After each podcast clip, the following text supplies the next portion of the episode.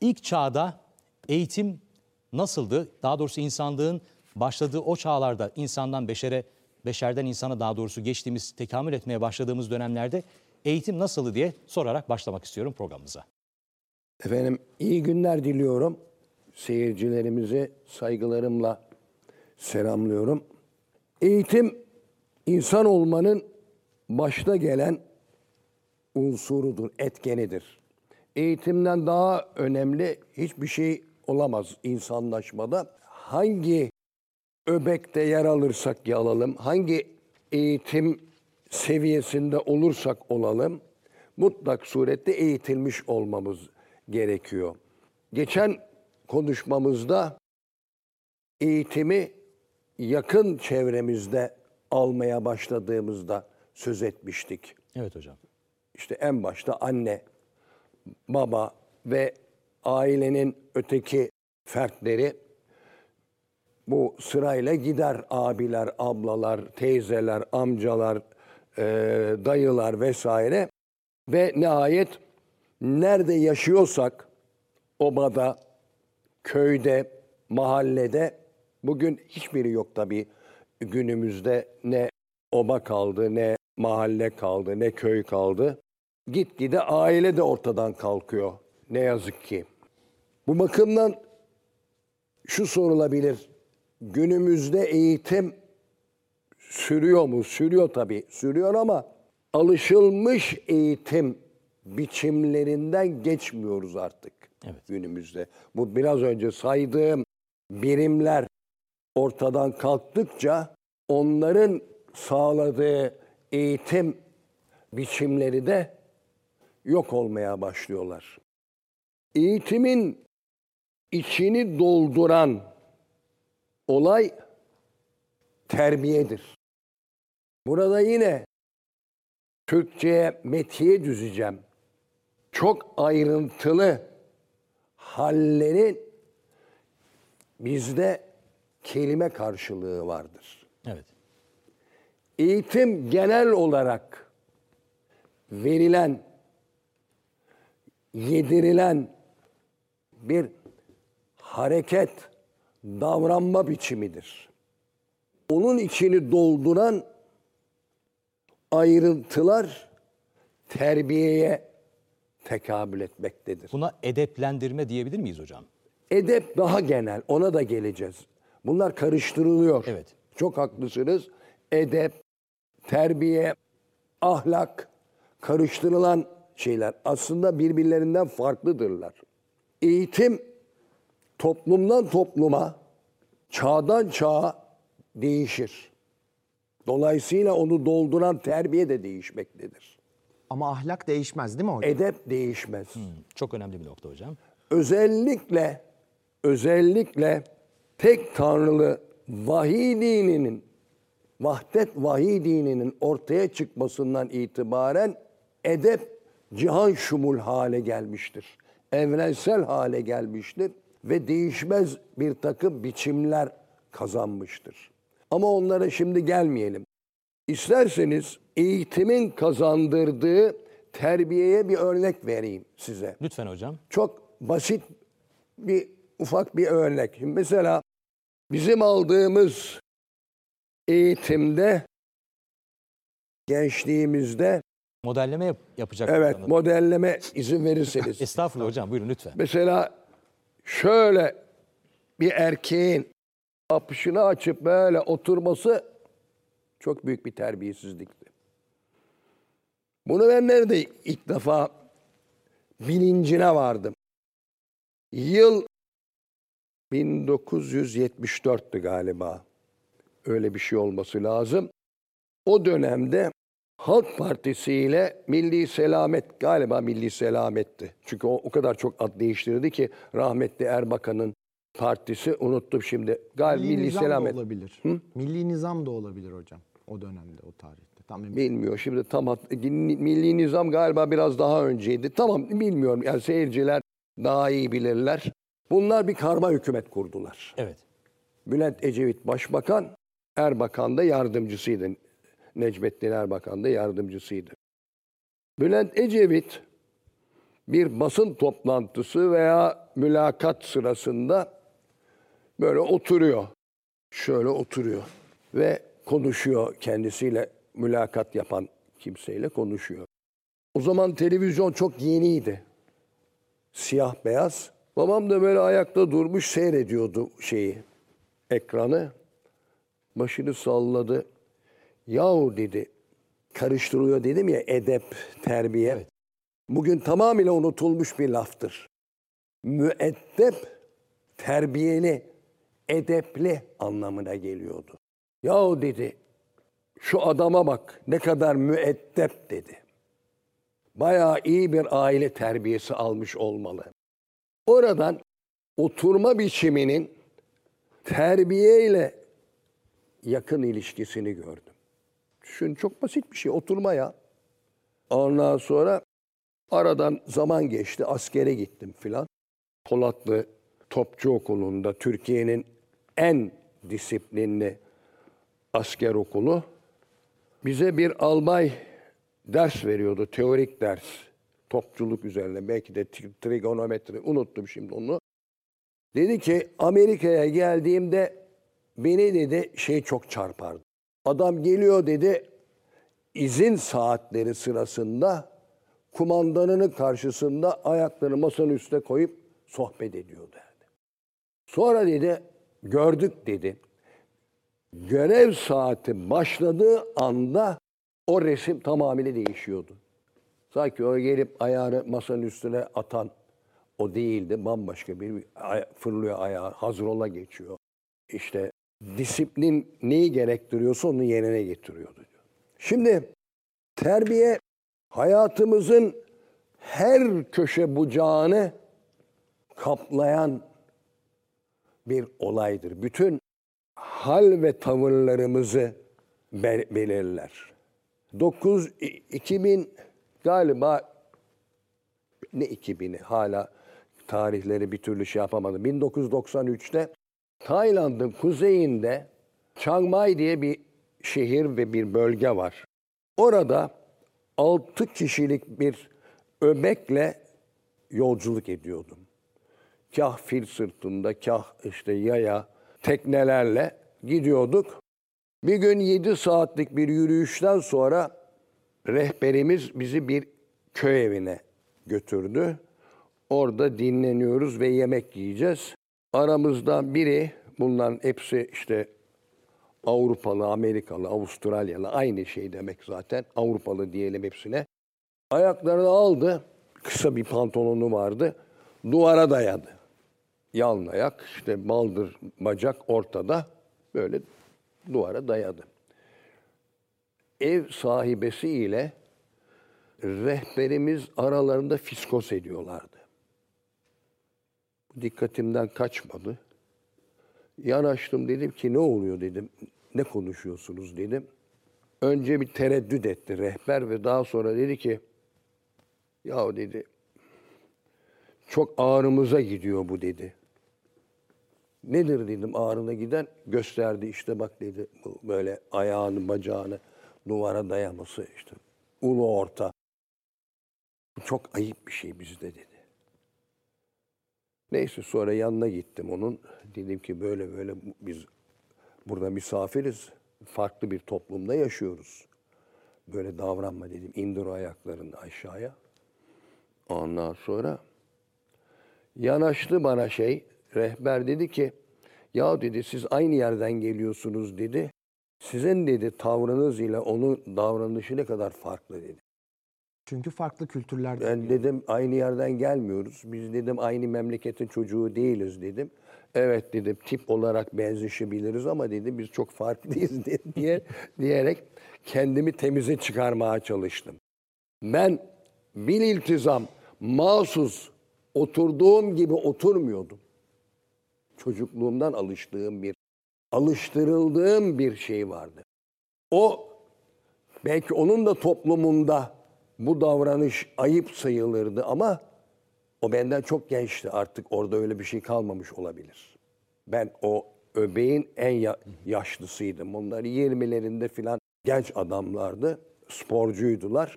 Dediğim gibi ben 40 küsur yaşındaydım ve onlara oranla çok yaşlı sayılırdım. Benzeri bir başka olay yine bu Çangmay'da bir Budacı tapınağında Buda heykellerini seyrediyordum. Ormanın içinde nefis bir manzarası vardı. Ormanın içinde altından dökülmüş Buda heykelleri. Ve böyle gayet sessiz, nefis bir ortam. Seyrediyordum. Birden arkamda o sakız çiğneyen adamların dilini işittim. O rezil, dünyanın en çirkin dilini, Amerikanca. Yani kızışmış mart kedilerinin çıkardığı seslerle arkamda bu şeyler işitiyorum. Fonetik olarak tabii rahatsız edici bir fonetikle. Felaket bir şey. Herhalde bundan daha çirkin bir dil yok. Ondan sonra içimden lanet yağdırarak şöyle döndüm soluma nedense sağdan değil solumundan böyle dönerek bakacağım kim bunlar bu bu huzuru kaçıran barbarlar. Ve ben böyle dönerken köşede oturan bir rahiple göz göze geldim. Bunu daha önce fark etmemiştim. Köşeye sinmiş bana bakıyor. Bana baktığından ötürü ben de yanına gittim. Merhaba merhaba bir şey mi var dedim. Var dedi. Bunlar dedi tapınağa, mabede ayakkabılarıyla giriyorlar dedi. Bu, bu olmaz dedi. Bu bizim bütün terbiye terbiye kurallarımızı merhaba ediyor dedi.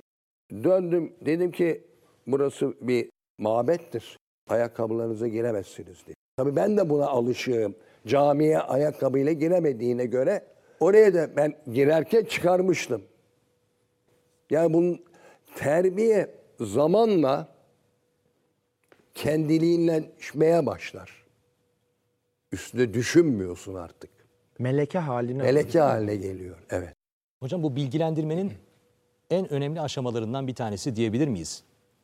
Ee, en önemli değil. Başta geleni. başta gelen. Başta gelenidir. Bu olmadı mı yaşayamaz. Evet. Söyledim bunlara.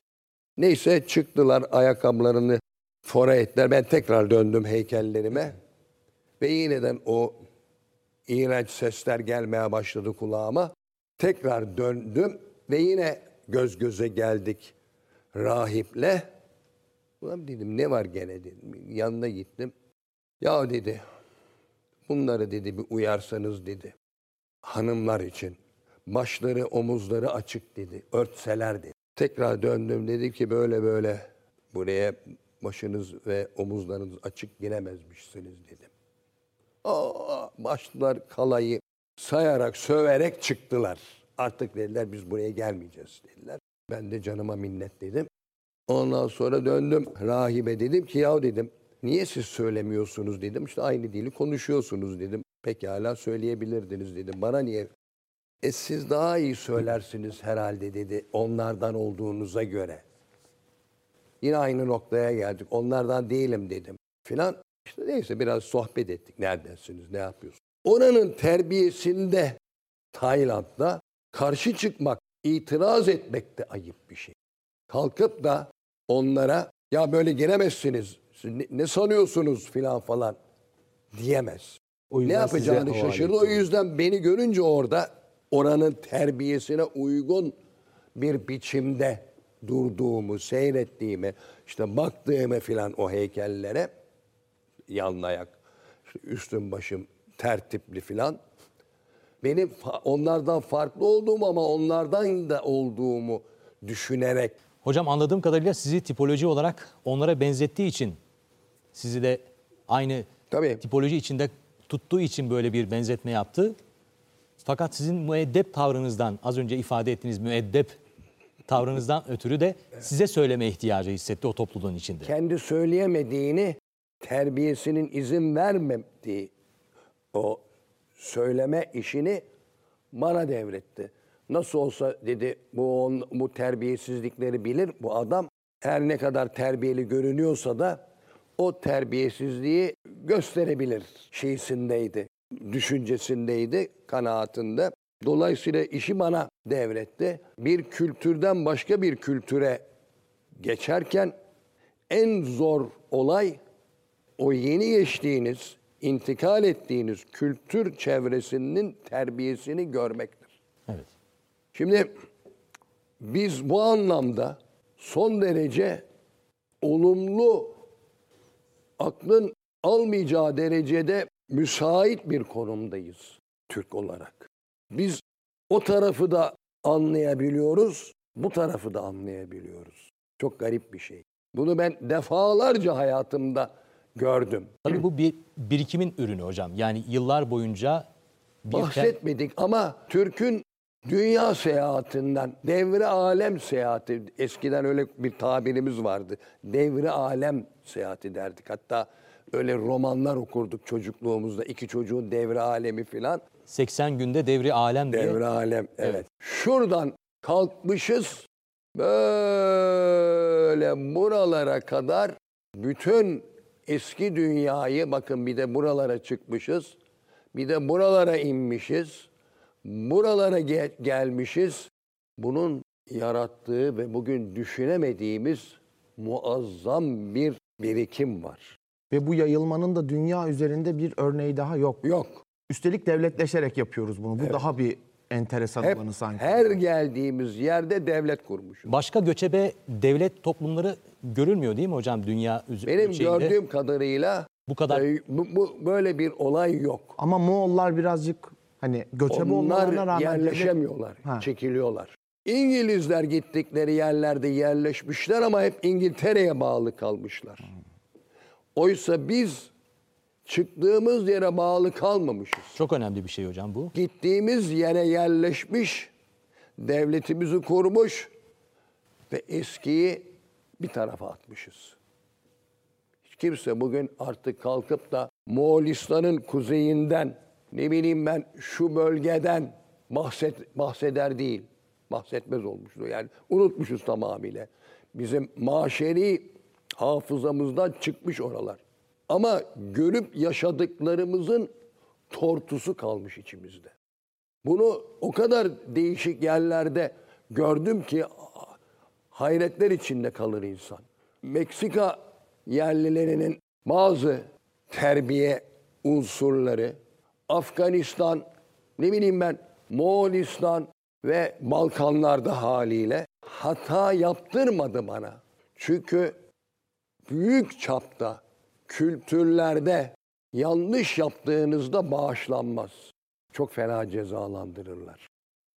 Yani ne diyelim hoşgörü çok yeni, farklı bir coğrafyaya bağlı bir hadisedir. Bunu yani işte yeni çağ Avrupa'sında ortaya çıkmış ne bileyim ben 18. yüzyılda filan bu laf edilmeye başlanmış. Daha öncesinde hoşgörüden önce tahammül gibi bir kelimemiz vardı zannediyorum ki hocam. Tahammül başka bir anlam ifade. İslam'da vardır Evet. tahammül hatta hoşgörü ayette geçiyor. Allah'ın buyruğudur. Elçisine söyle onlara sizin dininiz size, benim dinim bana. Bu işte hoşgörünün merkezini, temel ilkesini oluşturur. Ama bu olay Müslümanlığın yayıldığı bölgelerde yer etmiş değildi. Evet. Anlatabiliyor muyum? Yani bu biraz, e, ne, ne diyeyim size teorik kalan bir hadisedir. Büyük ölçüde. Şimdi bileceksiniz ki o kültürü meydana getiren dokuyu yani terbiyesini tanıyacaksınız ki hata işlemeyesiniz. İşte çıktığım kaynak, menşe beni böyle bir hatadan hep alıkoymuştur. Ve çok kere de teğet geçmişimdir. Yani bir sürü örnek verilebilir ama şimdi yeri değil. Değişiyor da bu. Bu çok önemli bir nokta. Bunu belirtmeden geçmeyelim. Affınıza sığınıyorum ben. Yani artık burada genel bir konuşma yaptığımıza göre her şeyden bahsetmemiz icap eder. Geğirme ve af buyurunuz yerlenme tabii çok ayıp şeyler değil mi? Toplum içinde. Evet bizim toplumumuzda Evet öyle ve şeyde de öyledir. Avrupa'da da öyledir. Çok felaket bir şeydir. Hatta bildiğim kadarıyla hocam Almanya'da özür diliyorum yerlenmek çok ayıp karşılanan bir şey değil ama geğirmek çok ayıp karşılanan bir şey. İkisi de çok ayıptır günümüzde. İkisi de çok ayıptır. Ama Almanların en büyük filozoflarından, büyük ilahiyatçı, hatta din kurucusu, şair, bestekar Martin Luther Orta Çağ sonlarında, Yeni Çağ'ın başlarında yaşamıştır. Orta Çağ terbiyesine bağlıdır hala. Şöyle bir meşhur sözü vardır. Giyirmiyorsunuz, yellenmiyorsunuz, yemeği mi beğenmiyorsunuz? Demek ki yemeği beğenmenin işareti olarak bugün olağanüstü terbiyesiz olarak nitelediğimiz bir belirtiyi ortaya koymak gerekiyordu. Çok manidar bir şeydir. Demek ki değişken olduğunu bu örnekle çok Evet. rahatlıkla görebiliyoruz hocam. Şimdi bu eğitimi böyle ortaya koydu ve onun terbiye içeriğini ortaya koyduktan sonra biz yeniden yeniden bir önceki konuşmamızın sonlarında hikayesini anlatmaya başladığımız Kabataş devrine dönelim. Öyleydi değil mi? Öyle hatırlıyorum. Öyleydi hocam. Bana Tam hatırlatın. şöyle bir şey geliyor aklıma. Evet. Eğitim ve terbiyenin toplumsal bir içeriği olduğunu görmüş olduk böylece. Birey ve toplumun nasıl birbirini etkilediğini bir şekilde özetliyor. Bu eğitim sürecinin tecrübi bilgilerin aktarımıyla ilişkili olduğunu da görüyoruz.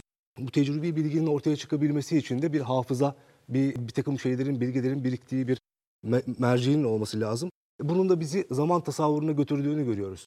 Dolayısıyla beşerden insana geçişte, şimdi tam da yeniden dönce, döneceğimiz konu, zaman tasavvurunun ve tarih bilincinin bu süreçteki öneminden, rolünden de bahsederek devam etsek diye düşünüyorum. Dediğin çok doğru. Hafıza bizim yaşama devindiricimiz, dinamomuzdur.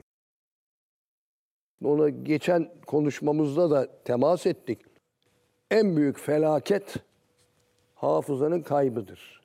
Şimdi biz devrimlerimizi yaşarken onların çok heyecanlı, coşkun savunucuları hafızaya karşı çıkıyorlardı. Ben bununla da bayağı karşılaşmışımdır.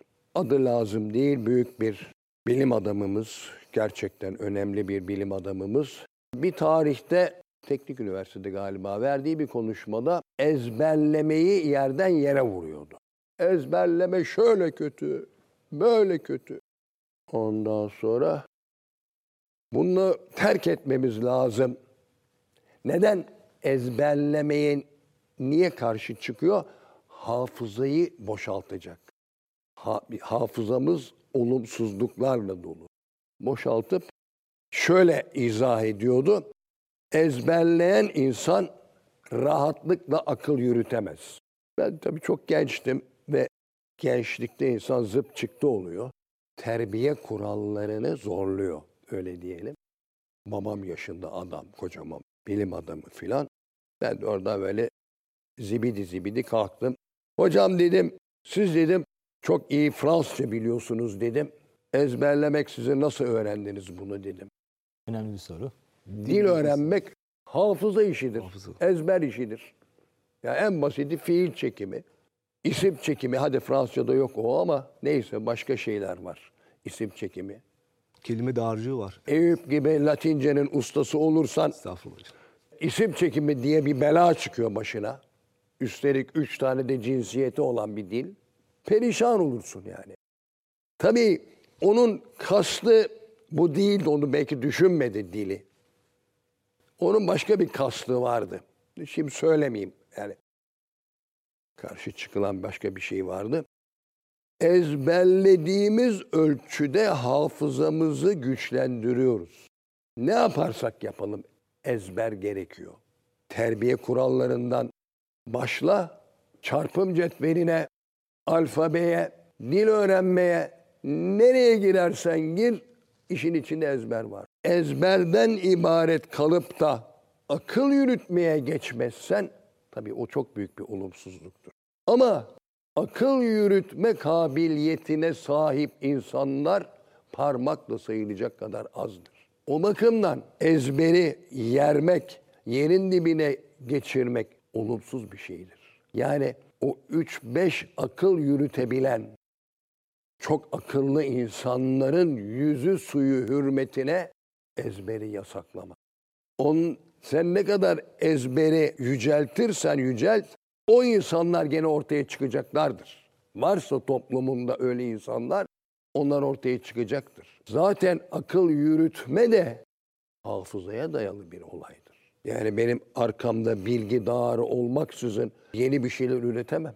Yeniliklerde bulunamam. Buyur. Yani bizim insanlaşmamız, o sizin bahsettiğiniz sürekli o beşerden insana geçiş dediğimiz o sürecimiz hafızayla, hafıza sahibi olmamızla da böyle göbekten bağlı bir şey. Hem de nasıl? Hem de nasıl? Onu kaybettik mi zaten insanlığımızı yitiriyoruz. Hocam ezber demişken ezber bozmak diye bir deyimimiz var. Malum haliniz Türkçemizde. Şimdi kelimelerle düşünen bir insanın bu kelimeleri bir yerde depolaması lazım. Buna biz malum az önce siz de ifade ettiğiniz hafıza diyoruz. Kelimeler ve aynı zamanda davranma Davranış biçimleri. biçimleri. Bunları hafıza dediğimiz bir yerde tutuyoruz. Akıl hareketinin ilk hamlesi mi acaba? İlk hamlesidir. Yanlış ezberlenenler. Mesela size bir ezber bozucu bir şey söyleyeyim. Hep sabahtan beri davranma tarzı, davranma biçimi diyorum. Yanlışlıkla davranış biçimi, davranış tarzı deriz Türkçe'de. Bu yanlıştır. Neden? Çünkü o son gelen şey eki tarza, biçime tekabül eder. Davranışın şeysi tarza, biçime tekabül Evet. eder. Yani anlam tekrarı oluyor. Anlam, Anlam tekrarı oluyor. Mantıksız bir şeydir. Bu yönü işte bir ezber bozucu. Hocam bu dediğinizde şöyle bir şey geliyor. Her benim. şey takısı tarza işaret eder. Yaşayış tarzı yanlıştır. Yaşama tarzı. Çünkü yaşayış zaten yaşama tarzı demektir. Bu şöyle bir şey de getiriyor benim aklıma. Doğru mudur bilmiyorum ama dile ne kadar hakim olursak zihnimizdeki o anlam bulanıklığından o kadar uzaklaşıyoruz Aynen o. demek oluyor değil mi? Aynen o. Gün gelecek biz tabii felsefeye girdiğimizde mantıktan bahsedeceğiz ve mantığın üç kolundan söz edeceğiz. Bunlardan biri mantığın kendisi, ikincisi matematik, üçüncüsü dil bilgisi. Dil bilgisi mantık kollarından bir tanesidir. Dil bilgisini çok iyi bir biçimde sindirmediysek, sindirmemişsek dili yanlış kullanırız. Dinin yanlış kullanılması mantık hatalarına götürür. Bugün Türkçe'de en yahut da Türkiye'de en fazla işlenen suç dil hatasıdır. Dolayısıyla mantık yanlışıdır. Hocam mantık Arapça kökenli bir kelime. Mantık bildiğimiz kadarıyla benzeş konuşmak, nutuk, nutuk benzeş kelimeler. Evet. Birbirinden ayrıymış gibi gözüküyor ilk bakışta ama aslında köken olarak aynı. Dile teka- dile işaret ediyor. Dille ilgilidir. Dille ilgilidir. Yunanca'nın esiniyle, ilhamıyla geliyor. Logos'tan hareket ediyor. Logos da temelde söz, Konuşma, lisan. konuşma, söz etme sanatı, dile getirme sanatı. E, dile getirme akılla bağlantılıdır. Aklın iyi işlemiyorsa dilin de bozuk demektir. Hocam özür diliyorum yine akıl yine kelimelerden yola çıkıyoruz. Yolculuğumuzu sürdürebilmek için. Akıl Arapça kökenli bir kelime yine bildiğim kadarıyla ukul yani iki düğümün bir araya gelip daha doğrusu iki ipin bir araya gelip bir düğüm oluşturması hadisesine terminolojik olarak akıl, okul deniyor. Yani ciddi bir bağlam var burada. Bir de bir başka anlamı daha var. Aklın devenin bağlandığı şey, çubuk diyeceğim ama değil. Direkt diyelim. Direk, direkt. direk. Tabii düşünmelerimizin bağlandığı direk. Yani bir bağlanmadan bahsediyor. Harika bir benzetmedir bu. Düşünme ve dille bağlantılı. Şimdi madem akıldan bahsediyoruz, insanlığın gelişme süreci aklın keskinleşmesiyle paralel midir? Buna açık seçik bir cevap verme imkanından yoksunuz. Ama başta dedim ya, isteseniz de istemeseniz de benim yorumuma dayalısınız. Başka çaresi yok. Benim yorumuma göre evet, insanlığın gelişme süreci aklın gelişme süreciyle iç içe yol almaktadır. Yani kaba taş devrinde insanlar daha mı ahmaktılar? öyle demeyelim.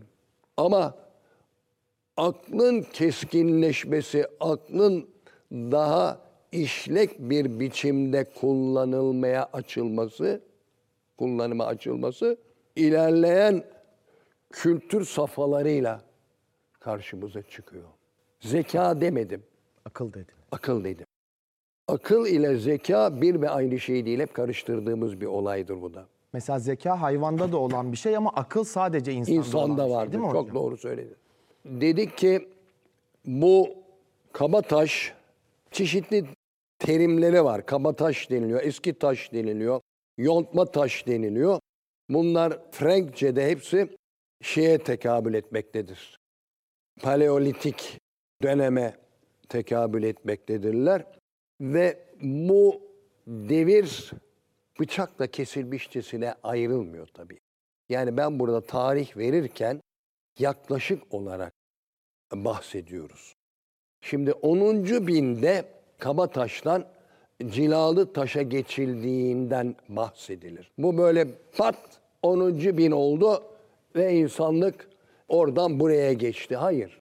Mesela Çatalhöyük yanlış hatırlamıyorsam 7-8 bin yıl önceki bir olay ve ilk yerleşimlerden biridir.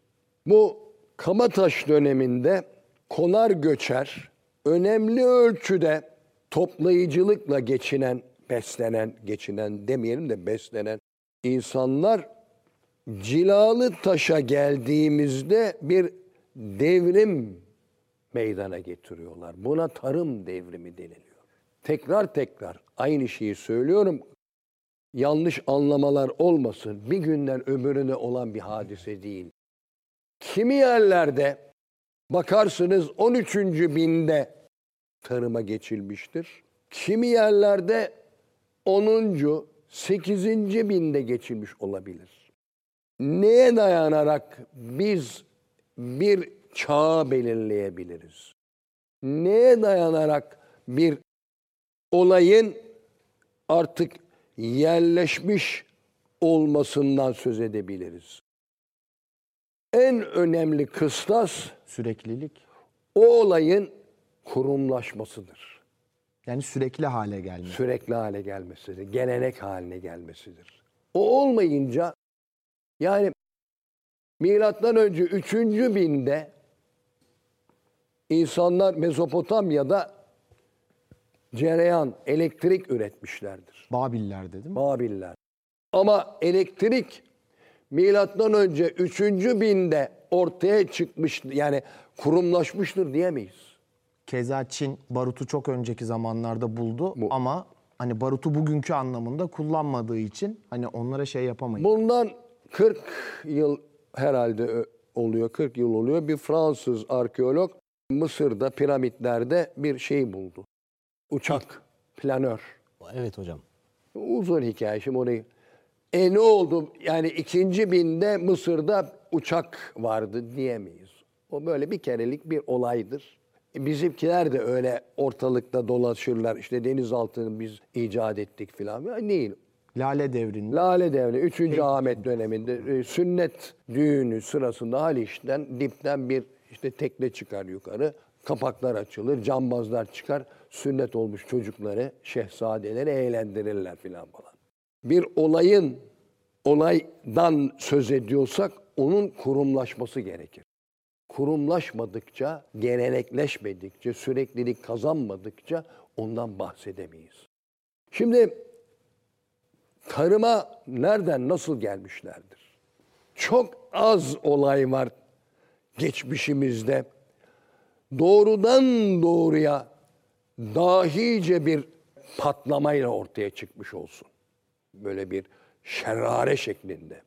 Olaylar yavaş gelişiyorlar. Benzerlere bakarak insan sonuç çıkarıyor.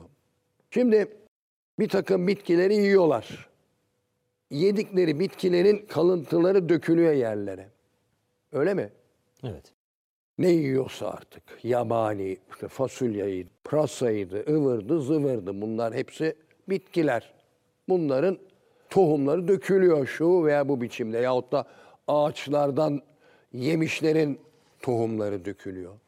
Ve bakıyorlar bu tohumlardan genç filizler, bitkiler ortaya çıkıyor. Yıllar yılı aynı şey tekrarlanıyor. O tohumları biriktirip kendileri ekmeye başlıyorlar. Demek ki diyorlar bu beğendiğimiz, sevdiğimiz, tükettiğimiz nesne bu şekilde onun bir parçası dökülünce yere oradan yenisi çıkıyor. Biz bunu muhafaza edelim. Hafızaya alalım yani. Ve yeniden bunu uygulayalım. Tarımın geçmişi buna dayanıyor. Yani ilk çıkış olayı. Ve bu nerede daha bol oluyor? Verimli topraklarda ve müsait iklimlerde. Müsait iklim, elverişli iklim şartlarını buzul çağının sonlarında buluyor insanlar. Yani genel olarak iklim ısınmaya başlayıp yağışlar arttıkça toprakların verimi de artacaktır. Bu tabii ki bizim yine Mezopotamya coğrafyasına bir atıf yapmamız gerekiyor. Nil Vadisi, Mezopotamya, Anadolu, Hindistan'ın Ganj. batısı, Indus, Ganj'dan ziyade Indus. Çin'in en doğusu Sarıırmak'ın denize döküldüğü mıntıkalarda bu daha bir belirgin olarak ortaya çıkıyor. Başka yerlerde yok mu? Oralarda da var ama buralarda, bu dediğim yerlerde tarım kurumlaşı, kurumsallaşıyor. Tarım yerleşmeye başlıyor. E buna bağlı olarak insanlar da yerleşik Gayet yapmaya tabii başlıyor. keyiflerinden hareket etmiyordu insanlar. O toplayıcılık çok kısa sürede çevreni mahvediyor. Perişan ediyor. Şeyi bırakmıyor.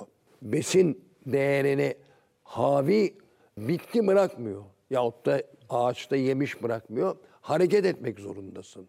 Bu yüzden üretime matuf bir durum söz konusu değil. Üretim yok henüz. Evet. Çok güzel temas ettiniz. Üretim bulduğum malzemenin işlenmesi sonucu işime yarayacak maddenin elde edilmesi demektir. Evet hocam.